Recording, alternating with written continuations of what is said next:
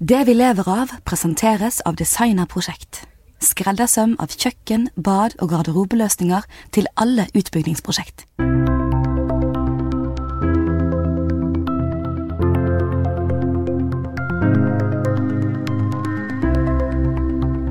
And frankly, uh, I think that China cannot, I don't know, maybe they can, maybe they can't. I don't think they can do that.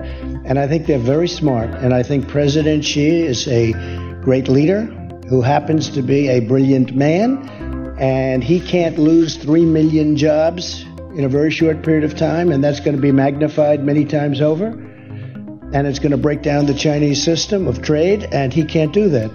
So when you say, do you think they want to? Maybe they want to and maybe they don't. But I think they want to make a deal. I'm not sure they have a choice. And I don't say that as a threat. I don't think they have a choice. In the meantime, the United States, which has never collected 10 cents from China, will, in a fairly short period of time, be over $100 billion in tariffs. So I think they want to make a deal. Very badly. Da Donald Trump ble USAs 45. president i 2017, starta han en handelskrig med Kina. Det innebærer høyere tollsatser, og målet er bl.a. å beskytte amerikansk industri. Siden den gang har konfliktens intensitet gått opp og ned, men den siste tida har han eskalert. Blant mange andre statsledere blir konflikten dårlig mottatt, som EU-topp Donald Tusk her. For me, it's absolutely clear that if if someone, for example, the United States and President Trump, um, use uh, tariffs and and taxation as a political instrument, tool for some different political reasons, it means that this confrontation can be really uh, risky for the whole world, including the EU. Men hva er egentlig en handelskrig? Kan han vinnes? Hvorfor rammes oljeprisen av konflikten, og hvordan kan Norge ellers påvirkes? Det skal vi snakke om i denne episoden av Det vi lever av, en podkast fra Sysla. Med meg nå har jeg Aftenblad-kommentator Hilde Øvrebekk og sjeføkonom Kyrre Knudsen i SR-Bank. Velkommen, Kyrre og Hilde. Takk. Tusen takk Ola.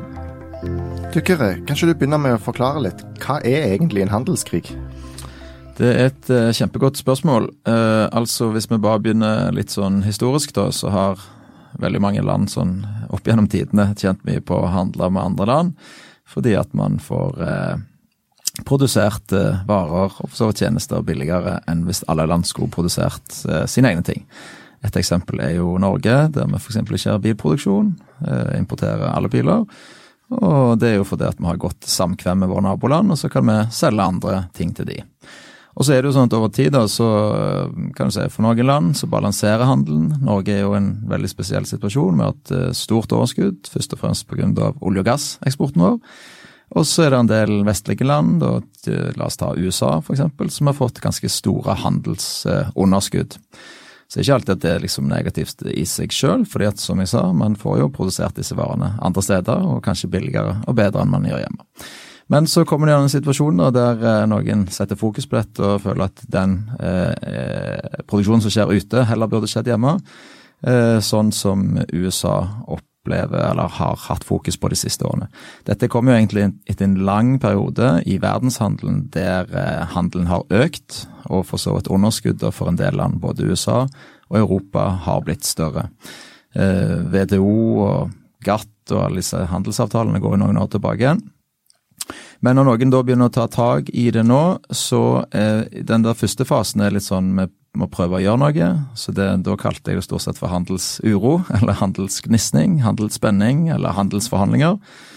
Fordi at eh, USA, eller særlig Trump, har sagt at her eh, har Kina, og det gjelder ikke Kina heller, en del land har for gunstig handelsavtale med USA, og USA har liksom ikke Eh, tilsvarende mulighet til å komme inn i Kina som det kinesiske selskapet har i USA.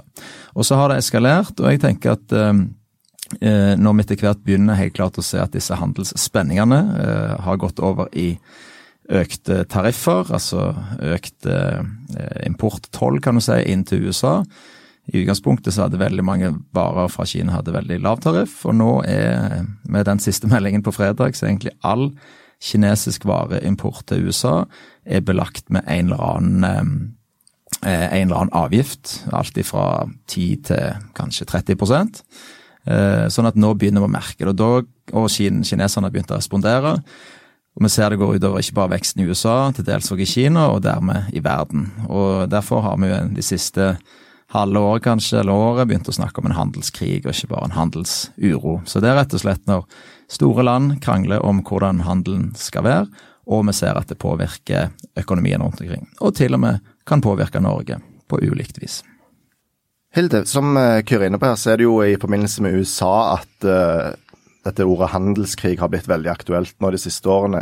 Hvorfor har egentlig Donald Trump, uh, som er president der, starta en sånn handelskrig? Det går jo tilbake til det America First, som han uh, gikk til valg på, og, og, det med at han vil ha uh, de jobbene uh, i amerikansk industri, og, og, at de ikke skal f.eks. settes ut til Kina eller andre land. Så det, det, er jo snakk om proteksjonisme, og det er snakk om nasjonalisme, som gjør at um, måten han styrer på, er jo at han prøver å bygge opp uh, USA. Um, gir litt blaffen i de andre landene, og hvis de uh, andre landene da gjør det vanskeligere for USA, så vil han innføre sånn som han har gjort nå med høyere toller i Kina, f.eks. Og Hvordan passer dette her egentlig inn med, med det øvrige presidentskapet til, til Donald Trump? Det er jo, det er jo alt er jo symptomer av det samme. At, at det skal være fokus på Amerika, det skal være bare det som teller. Egentlig så sa jo Trump, når han ble valgt, så sa jo han at eh, han ville ikke blande seg opp i utenrikspolitikk eh, så mye som tidligere. Det har jo Det har han jo for så vidt gjort likevel. Men, eh, men, det er jo det som har vært mantraet hele veien, at, at, her skal vi beskytte USA. Vi skal beskytte våre egne jobber. Vi skal, vi, våre interesser kommer først. Um, og så, så, vil jo det føre til, sånn som så her med den handelskrigen, altså det, det, får jo følger for hele verden, sånn som Kyrre sa. Kyrre, du, du, var inne på dette med at uh, Forrige fredag så svarte på en måte Det er jo fram og tilbake hele tida, dette her. USA innfører noen uh, restriksjoner, og så svarer Kina, og så er det litt, myknes det litt opp. Men nå før, uh, før helga så svarte Kina på, på amerikanske uh, tollbarrierer, og de innførte sjøl barrierer som jeg tror det var en verdi på 75 milliarder kroner, nei, 75 milliarder dollar, og da begynner vi å nærme oss 700 milliarder kroner. Det vi så da bl.a. var jo at oljeprisen falt kraftig. Hvorfor er det sånn at uh, oljeprisen påvirkes av dette her? Um, jeg, jeg bare legger til en liten ting med selve hva det Trump gjør, da. Mm. Um, som jeg ser en del har fokus på. og Det er det at uh, det ene som Hilde var inne på, ok, han har USA i, uh, i sentrum. Men det er klart at for en del land i vestlige land som har store handelsunderskudd, og der du har fått en slags eh, outsourcing av industriarbeidsplasser mot framvoksende økonomier, litt for å slippe det inn i verdenshandelen, og òg litt sånn altruistisk at eh, flere land bør kunne delta i verdenshandelen. Og dermed så skal vi ikke liksom ha helt, helt symmetriske handelsavtaler. Har jo vært det greia i ganske mange år, siste 20-30 årene, og du kan si etter, mer eller mindre etter andre verdenskrig. Så det er det ene. Så jeg tror nok at noen der ute kjenner litt på det samme som han gjør. Altså De bruker ikke samme ord og samme retorikken, men liksom at vi må få en litt mer balanserte handelsavtaler med lik markedstilgang for både den som importerer og eksporterer. Og Helt spesifikt så handler mye av dette om teknologi òg. Og der har han litt sånn indirekte støtte fra de store amerikanske teknologiselskapene, Apple, Google, Facebook, som har problemer både med å komme inn i Kina. Det er sånn der at hvis du skal inn med et selskap i Kina i dag, så får du ikke majoritet. Så det betyr at du må dele teknologien med den kinesiske eierskapet, eh, som har majoritet. og det er Derfor de mener at i prinsippet så er det òg en overføring av teknologiske rettigheter.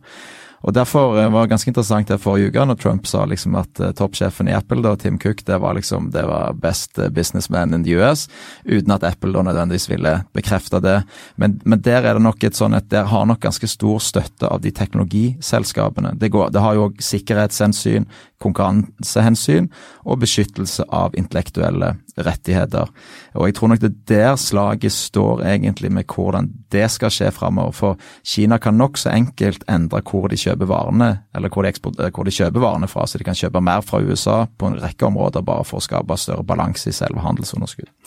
Så, eh, så, det var bare litt sånn et lite tillegg om akkurat det. Når det gjelder hvorfor eh, Norge påvirkes og oljeprisen, så er det klart at eh, når eh, store økonomier eh, begynner å krangle om handelsavtalen, så skaper det uro i verden. Det skaper òg lavere aktivitet, altså redusere aktiviteten. Du kan tenke selv hvis du driver et stort selskap og så lurer du på ok, skal vi bygge en fabrikk, eller skal vi satse på en eksport mot et, eh, et, et, nytt segment i USA eller i Kina.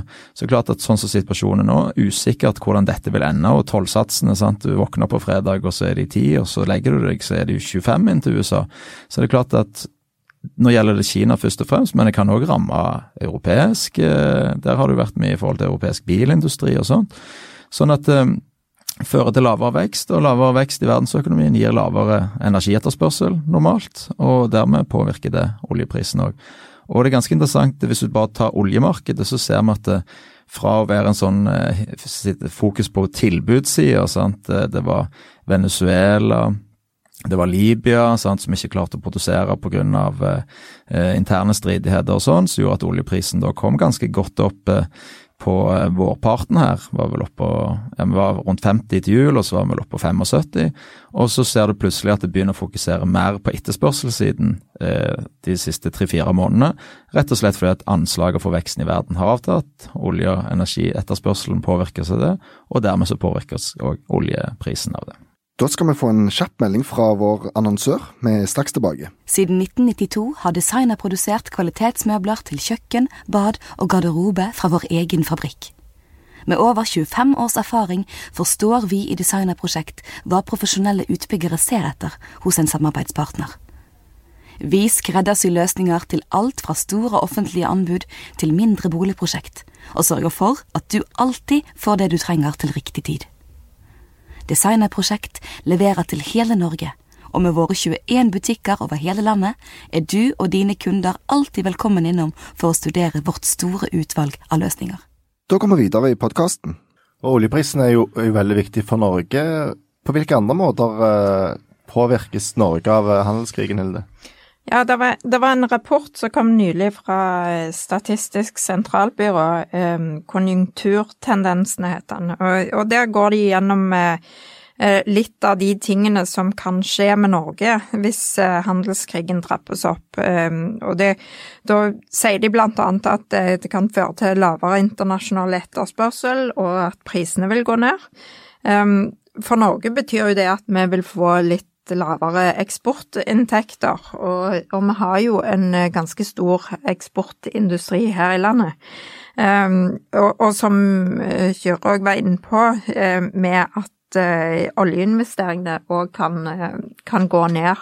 Og det vil jo påvirke oss fordi at oljeprisen blir lavere, pluss at, at det kanskje ikke er så veldig mye varer og tjenester. Så um, og sysselsettingen sysselsettingene og ledigheten her i Norge kan òg bli påvirka av at, eh, at det er mindre aktivitet eh, i hele verden. Det så Hvis du får igjen da, hvis du, hvis du ikke tjener så mye penger, eller hvis du mister jobben, så vil det jo òg føre til at du ikke bruker så mye penger.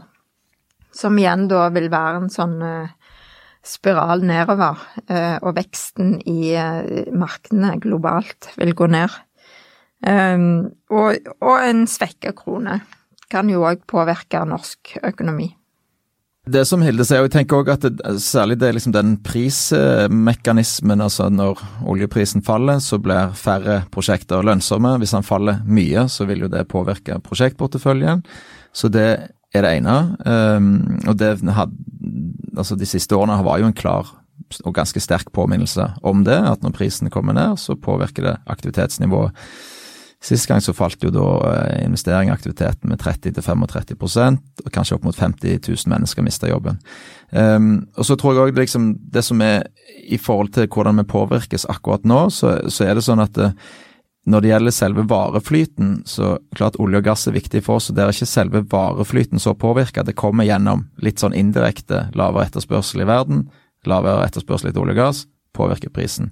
Så det er en sånn interessant greie for Norge at olje og gass og fisk er ikke liksom i episenteret av handelskrigen enn så lenge. Eh, Foreløpig så er det, vi var inne på teknologi, det er biler, sant? det er mer sånn ting som eh, amerikanerne på et vis kan eh, ikke konkurrere på, men som det er liksom naturlig at Trump tar tak i fordi at det har blitt eh, outsourca fra USA. da.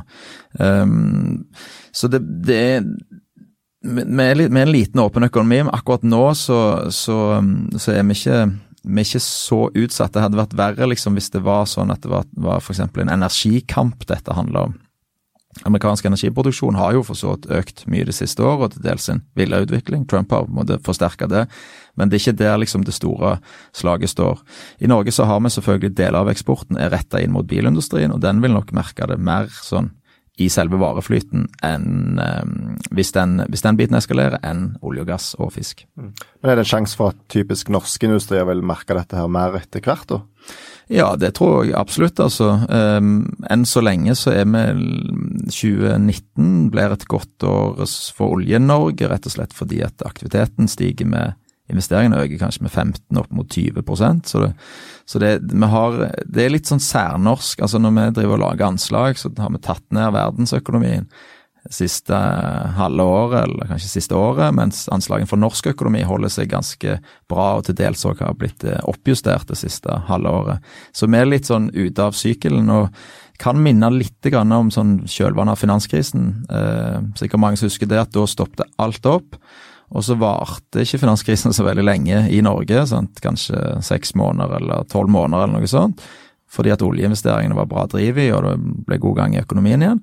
Eh, mens for mange andre land, altså i Europa, så er det jo fortsatt på en måte påvirka det som skjedde under finanskrisen. Så, men det vil avhenge av om vi har noen motorer som kan leve litt sitt eget liv, uavhengig av denne handelskrigen. Og det er klart at Hvis den eskalerer ytterligere, så vil det nok få en enda kraftigere liksom, eh, påvirkning på f.eks. oljepris. Hvis den blir værende sånn som det er nå, på rundt 60 dollar fatet, så er det fortsatt veldig god robusthet i veldig mange av prosjektene på norsk sokkel. For norsk eh, oljeindustri, da, Kyrre, sett i lys av det som her skjer, hva er, hva er det som blir viktig framover? Det er klart, som vi har vært inne på i dag, i dag den handelskrigen er viktig fordi den kan påvirke prisen. Eh, da er det selvfølgelig viktig at man har eh, robusthet i prosjektene og sånn som det, men det, etter hva jeg kan se, så er det veldig god robusthet i prosjektene på norsk sokkel nå. Det er få prosjekter som er på planen eller som er godkjent som ligger over 35 dollar. Så i teorien da så kan du falle ganske godt fra dagens nivå. Det andre som henger litt sammen med det, er jo selvfølgelig hva er det som skjer neste år, da. Eh, de fleste analysene nå at vi vil få et eh, ja, god oppgang i 2019, og så vil det flate ut i 2020, og så litt sånn flatt, kanskje litt nedover de par neste årene. Men etter den hestekuren som bransjen har vært inne på, så ligger det kanskje noe oppside. Både fordi at man har, man har vært flink til å modne prosjekter de siste årene. altså Man tar de inn, jobber med de og får ned kostnadene, som gjør at det blir eh, bedre lønnsomhet i de. Eh, og fordi at man har vært ganske konservativ med hva det er man godkjenner. Eh, altså, som vi var inne på, få prosjekter, kanskje ingen, over 35 dollar så langt. Og der vil kanskje selskapene etter hvert begynne å strekke seg litt. I hvert fall hvis de ikke er for bekymra for denne handelskrigen og hvordan det kan påvirke prisutsiktene uh, de par neste årene. Så, så, det er to forhold som både lever litt hver sitt liv, men òg uh, henger sammen, da, som jeg tenker blir viktig for utsiktene 2020 og til dels òg 2021. Du Hilde, hvordan kan en sånn handelskrig eh, ses i sammenheng med andre geopolitiske forhold? Nei, det var um, Under Arendalsuka så var jeg og hørte på uh, Ine Eriksen Søreide, utenriksministeren, som snakket om det med, med samarbeid. Og, og, dette går jo inn i den delen som har med, med internasjonalt samarbeid og det å trekke seg ut fra avtaler og trekke seg ut fra Altså, det inngår jo en handelskrig, vil jo òg være litt av det samme. At du beskytter ditt eget land, men, men på lang sikt så vil jo det den, eh, den uviljen til å samarbeide vil jo kunne påvirke negativt, eh, fordi at eh, alle landene da beskytter sine egne interesser istedenfor å ha et globalt samarbeid. Um, og det kan jo føre til politisk uro og indre stridigheter. Eksempel i Europa ser jo tendenser til det i Italia, i Ungarn f.eks. for eksempel, og Polen, eh, hvor det blir mer høyrevridd politikk. Eh, og hvor du, du, liksom beskytter dine egne interesser og, og nekter å samarbeide med andre. Kyrre, går det an å vinne en handelskrig, eller er det i det store bildet bare tapere her? Altså, Trump uh, er jo en slags dealmaker, um, i hvert fall ifølge seg sjøl. Og du ser òg at uh, den uh, avtalen de gjorde med nabolandene, altså Canada og Mexico, med det klingende navnet USMCA den var jo en sånn som han omtalte som på en måte verdens beste handelsavtale for absolutt alle parter. og sånn at i utgangspunktet så er jo ikke han opptatt altså Han er jo egentlig ikke interessert i at i hvert fall ikke USA skal få det verre. Og USA er jo litt avhengig av de andre landene rundt òg. Så man kan jo si at dette på et vis er det en handelskrig, men det er òg egentlig mer en litt sånn eh, kraftig eskalert handelsforhandling. For hvis han fortsetter med Kina, hvis han fortsetter med USA, nei, med Europa, og kjøre like hardt på, så er det klart at en jevne amerikaner vil jo merke det i lommeboka etter hvert. Um, uh, og det er, det er jo det vi har sittet og sett på, kanskje tenkt at han, han, har ikke han tør ikke ta det så langt, men så har vi på en måte må bare åpne boksen og si at dette er litt mer åpent enn vi trodde for et år siden, når han først begynte å, å innføre og liksom hardne retorikken eh, mot Kina. Så um, om det blir noen vinner eller taper Han er i hvert fall opptatt av å lage en historie der USA og han på et vis blir vinneren oppi dette her. Eh, kjempeinteressant. I dag igjen da, så har han vært ute og sagt at eh, ja, vi vil tilbake til forhandlingsbordet. Selv om de på fredag da ble liksom litt harde fronter med kineserne som innførte noe, og han bare sånn på Twitter på svarte på direkten ja, ja, men da øker vi med 5% på absolutt alt. Eh, så fant han jo ut her for en stund siden at denne Black Monday som vel er på høsten. Uh, en del av de tariffene som er lagt på sånne elektronikkartikler fra Kina, det vil jo ramme Black Monday, så derfor uh, utsatte han det til etter Black Monday. Så han er jo Og hva er Black Monday? Black Monday er, Nei, Black Friday er det dette? Ja, det, Black Monday er jo når du kan handle på nett. Ja, Friday var det vel kanskje. Butikker hvor du handler sånn elektronikk og sånn veldig billig. Så poenget bare da å tenke at eh, han, han er jo litt pragmatisk òg, da. Sant? Når han ser hvis, hvis f.eks. amerikanske forbrukerne begynner å bli redde, eh, bekymra for sin egen økonomi, slutter å bruke penger, så må han òg tenke hva er responsen da. Så, eh, Og så er det selvfølgelig et valg neste år, sant? så det har jo spekulert litt i om det kanskje kan være en slags eh, dramaturgi fram mot valget, der han liksom skal gjøre en avtale da han begynner å nærme deg eh, valgkampen og sånt, sånn at det virkelig får eh, medvind inn der, da, at liksom han er dealmakeren. Det var han som klarte å rebalansere handelen, eller reforhandle alt med Kina. Så vi går inn i et veldig interessant spill. Det er jo òg nyheter i dag om at uh, USA er nær en handel, ny handelsavtale med Japan. Så, så, det er ikke sånn at han på et vis ønsker handelskrig på alle fronter. Um, han er nok både interessert i og eh, Han er jo avhengig av å kunne lande noen av de, eh, den uroen og handelsspenningen som han har bidratt til. Jeg tror vi avslutter med det. Det blir spennende å se hvordan dette her utvikler seg framover. Takk for at dere var med, Kyrre og Hilde. Tusen takk. Vi kommer snart tilbake med en ny episode av Det vi lever av. I mellomtida tar vi gjerne imot innspill til hva som kan være gode temaer å ta opp. De kan du sende til podkast.sysla.no. Podkast med K. Produsent er Henrik Svanevik, og jeg heter Ola Myrseth. Takk for at du hørte på. Med over 25 års erfaring vet vi i Designerprosjekt hvilke kjøkken, bad og garderobeløsninger boligkjøpere drømmer om. Besøk oss på designer.no og book et møte i dag for å finne den perfekte løsningen for ditt prosjekt.